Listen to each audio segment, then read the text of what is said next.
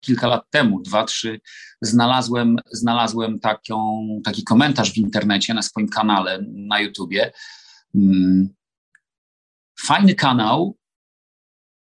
Szkoda tylko, że tak późno pan zaczął, a w ogóle to czym pan się wcześniej zajmował? To jest trudne i to nie zawsze się udaje. Można o tym fajnie dywagować podczas wywiadu, chociaż pewnie ja sam nie zawsze jestem w stanie tę strategię zastosować.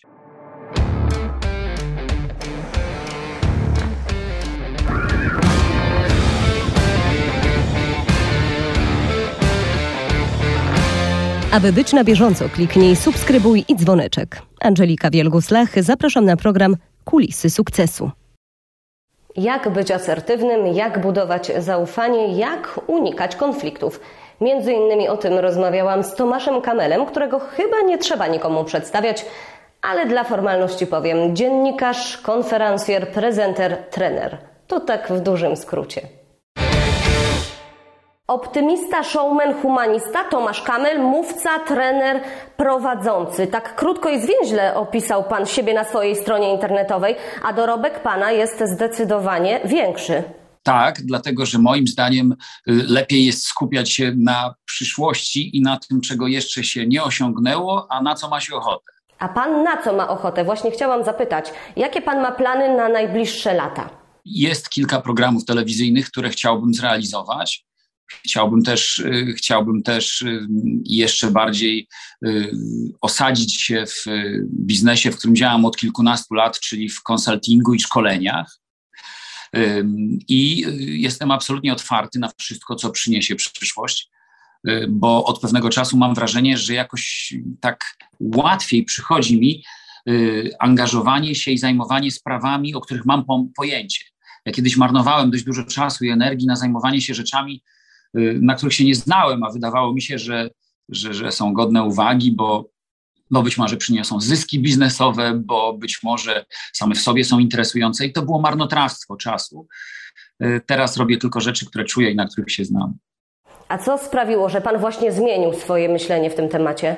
No właśnie myślenie to sprawiło, bo mm, czasami może COVID też, bo jednak pogoń y, i walka z czasem do roku 2019 była tak ogromna, różnych projektów rozkręconych było tak dużo, że właściwie tego czasu na refleksję brakowało, a przynajmniej nie chciało się go znaleźć. No i gdy nastał COVID, to można było trochę życie zrekapitulować i się pozastanawiać nad tym, co ważne.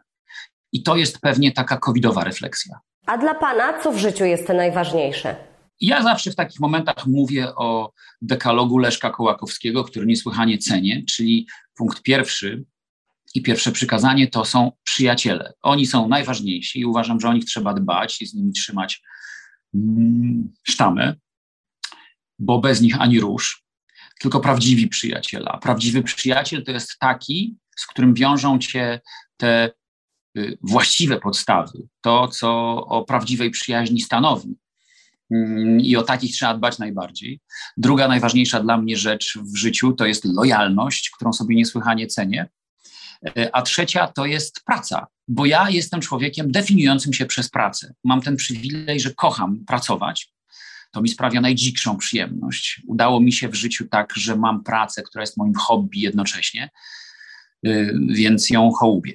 A panie Tomaszu, co pana zdaniem sprawiło, że stał się pan no, jedną z najbardziej znanych osób w Polsce? Bo gdyby zapytać człowieka o nazwisko Kamel, to myślę, że ludziom kojarzy się pan od razu. No, myślę, że tutaj dużą rolę odgrywała też telewizja, ale czym sobie pan tak zapracował na to? Jeśli tak jest, to po pierwsze cieszę się z tego i miło mi to od pani słyszeć. Oby te słowa były prawdą, chociaż muszę powiedzieć, że niedawno no, kilka, kilka lat temu, dwa, trzy, znalazłem, znalazłem taką, taki komentarz w internecie na swoim kanale na YouTubie. Mm, fajny kanał. Szkoda tylko, że tak późno pan zaczął, a w ogóle to czym pan się wcześniej zajmował? Ktoś mnie zapytał. Najwyraźniej z telewizją mając słaby kontakt. Y, więc y, pewnie wszyscy nie wiedzą, ale rzeczywiście, gdy jeżdżę po Polsce, to tych y, oznak sympatii i świadectw, że ludzie mnie znają, jest dużo. Czym ja sobie zapracowałem?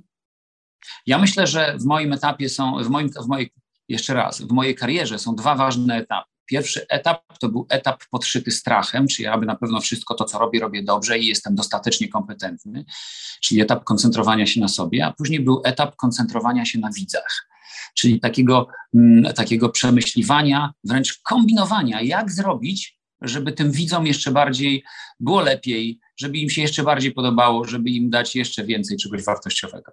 I ten drugi etap, myślę, bardzo mi pomógł i pewnie to jest źródło sympatii ludzi, którzy mnie lubią. Właśnie w jednym z wywiadów słyszałam, że wspominał Pan, że w pierwszych latach swojej kariery tak jakby dystansował się od ludzi, ale to było zamierzone?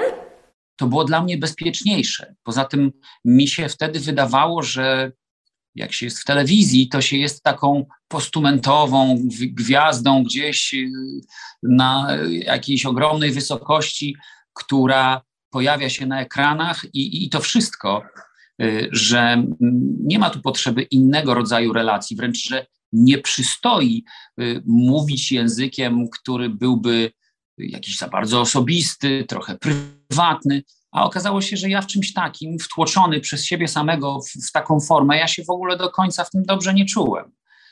I gdy to się zmieniło, gdy przyszło pytanie na śniadanie i kilkuletnie doświadczenie w tym programie, to nagle zrozumiałem, że mi jest najlepiej bardzo, bardzo blisko ludzi.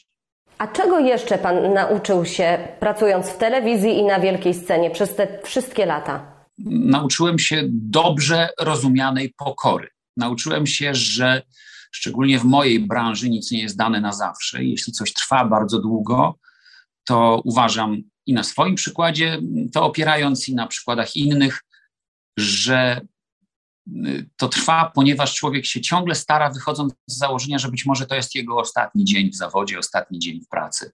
Y, I to jest też, nie, nie, mówię tu o strachu, który wynika z czegoś takiego, bo strachu nie polecam, ale ta świadomość, że to wszystko jest ulotne i wymaga ciągłej troski i doskonalenia się, ona pomaga w długodystansowości. Mało tego, myślę, że też telewizja nauczyła mnie, że to, co niektórzy nazywają być może. Szukam teraz właściwego słowa, bo mówi się, że powinno się być kontrowersyjnym, że powinno się mocno wyróżniać, że powinno się wzbudzać skrajne emocje. Ja nie jestem tego zdania. Ja uważam, że moja rola jest rolą służebną. Ja mam sprawiać, żeby ludzie się dobrze czuli i dawać im stałość w ramach mojej osobowości i talentu. Y, I tego mnie nauczyła telewizja. A czy pan uważa się za człowieka sukcesu? Gdybym miał się z tym światem pożegnać jutro, to pewnie żałowałbym tego, co jeszcze mogę zrobić, ale myślę, że nie żałowałbym tego, co już zrobiłem. Jest na liście mm, spraw, których, y, które załatwiłem, patrz dokonań, mm, kilka naprawdę dużych, dużych, y, dużych haseł. Więc y, uważam, że odniosłem sukces, że jestem człowiekiem sukcesu, wiele o tym świadczy, jednak cały czas wierzę, że najlepsze przede mną zgodnie z tytułem pewnej piosenki Franka Sinatry. To co w takim razie jest Pana największym takim dokonaniem? A wie Pani, że nie robiłem takiej listy, ale uważam, że to, co już Pani dzisiaj wspomniałem w wywiadzie, że dzielę swoją karierę na dwa etapy. Etap, gdy porzuciłem strach, czy aby na pewno wszystko jest ok, i później po nim przychodzący etap troski o widza.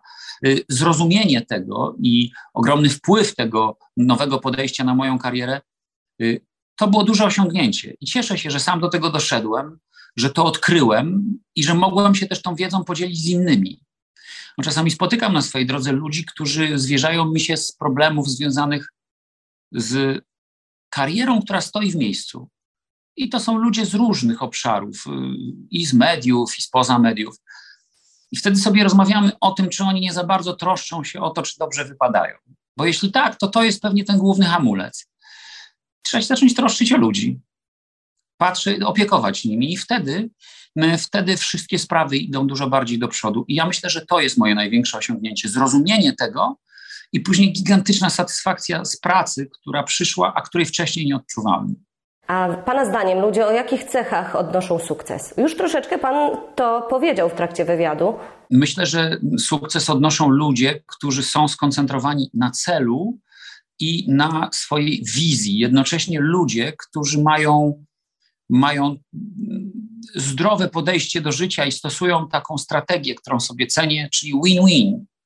żeby nie robić interesów nie budować relacji wykorzystując innych, tylko zawsze w trosce o to, żeby druga strona też miała z tego korzyść. To jest trudne i to nie zawsze się udaje. Można o tym fajnie dywagować podczas wywiadu, chociaż pewnie ja sam nie zawsze jestem w stanie tę strategię zastosować, ale uważam, że dążenie do niej jest bardzo ważne i, i ludzie, którzy największe sukcesy odnoszą, to są właśnie tacy, którzy, którzy w ten sposób patrzą na, na biznes, na swoje cele i na ich osiąganie. A jak ważna Pana zdaniem w drodze do sukcesu jest asertywność? Pytam nie bez przyczyny, bo Pan w jednym z wywiadów też mówił, że kiedyś Panu brakowało tej asertywności podczas na przykład rozmów z producentką programu, e, gdzie razem z Borysem Szycem chyba Pan miał prowadzić Sylwestra czy jakąś taką dużą imprezę i pan, Pana rola mogłaby wyglądać zupełnie inaczej, gdyby miał, był Pan asertywny wtedy. Asertywność odgrywa ogromną rolę.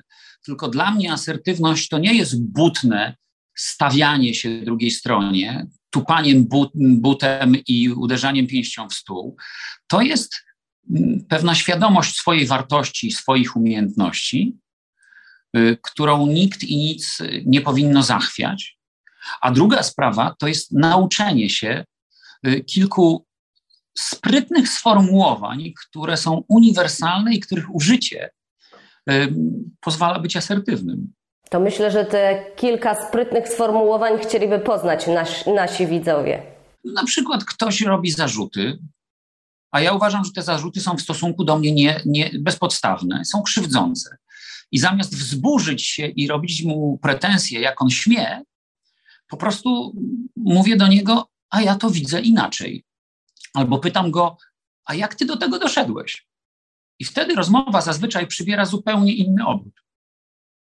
I to są, ja wie pani, zajmuję się zawodowo słowami. Uwielbiam komunikację jako dziedzinę sztuki i nauki. Mm, to jest niesłychanie zajmujące, a przy tym, y, jak człowiek ma kilka narzędzi, to bardzo proste. I choćby takie dwa zdania, które przytoczyłem, pozwala bardzo, one pozwalają bardzo łatwo rozbrajać bombę sporu i y, przejść do merytorycznej rozmowy, zamiast się zaperzyć i kłócić. A jakich właśnie sformułowań unikać, żeby nie kłócić się z ludźmi, z rodziną, ze współpracownikami? Przede wszystkim rozmawiać. I to jest bardzo ważne.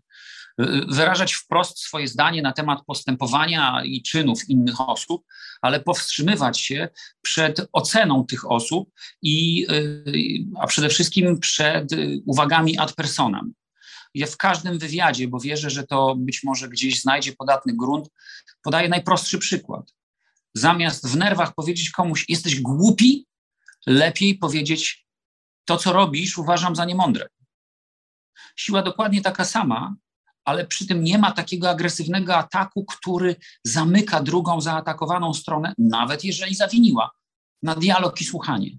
A co z tego, że okopiemy się po dwóch stronach sporu i będziemy tak, tak, tam tak trwali, jak podczas I wojny światowej w okopach? Bez sensu.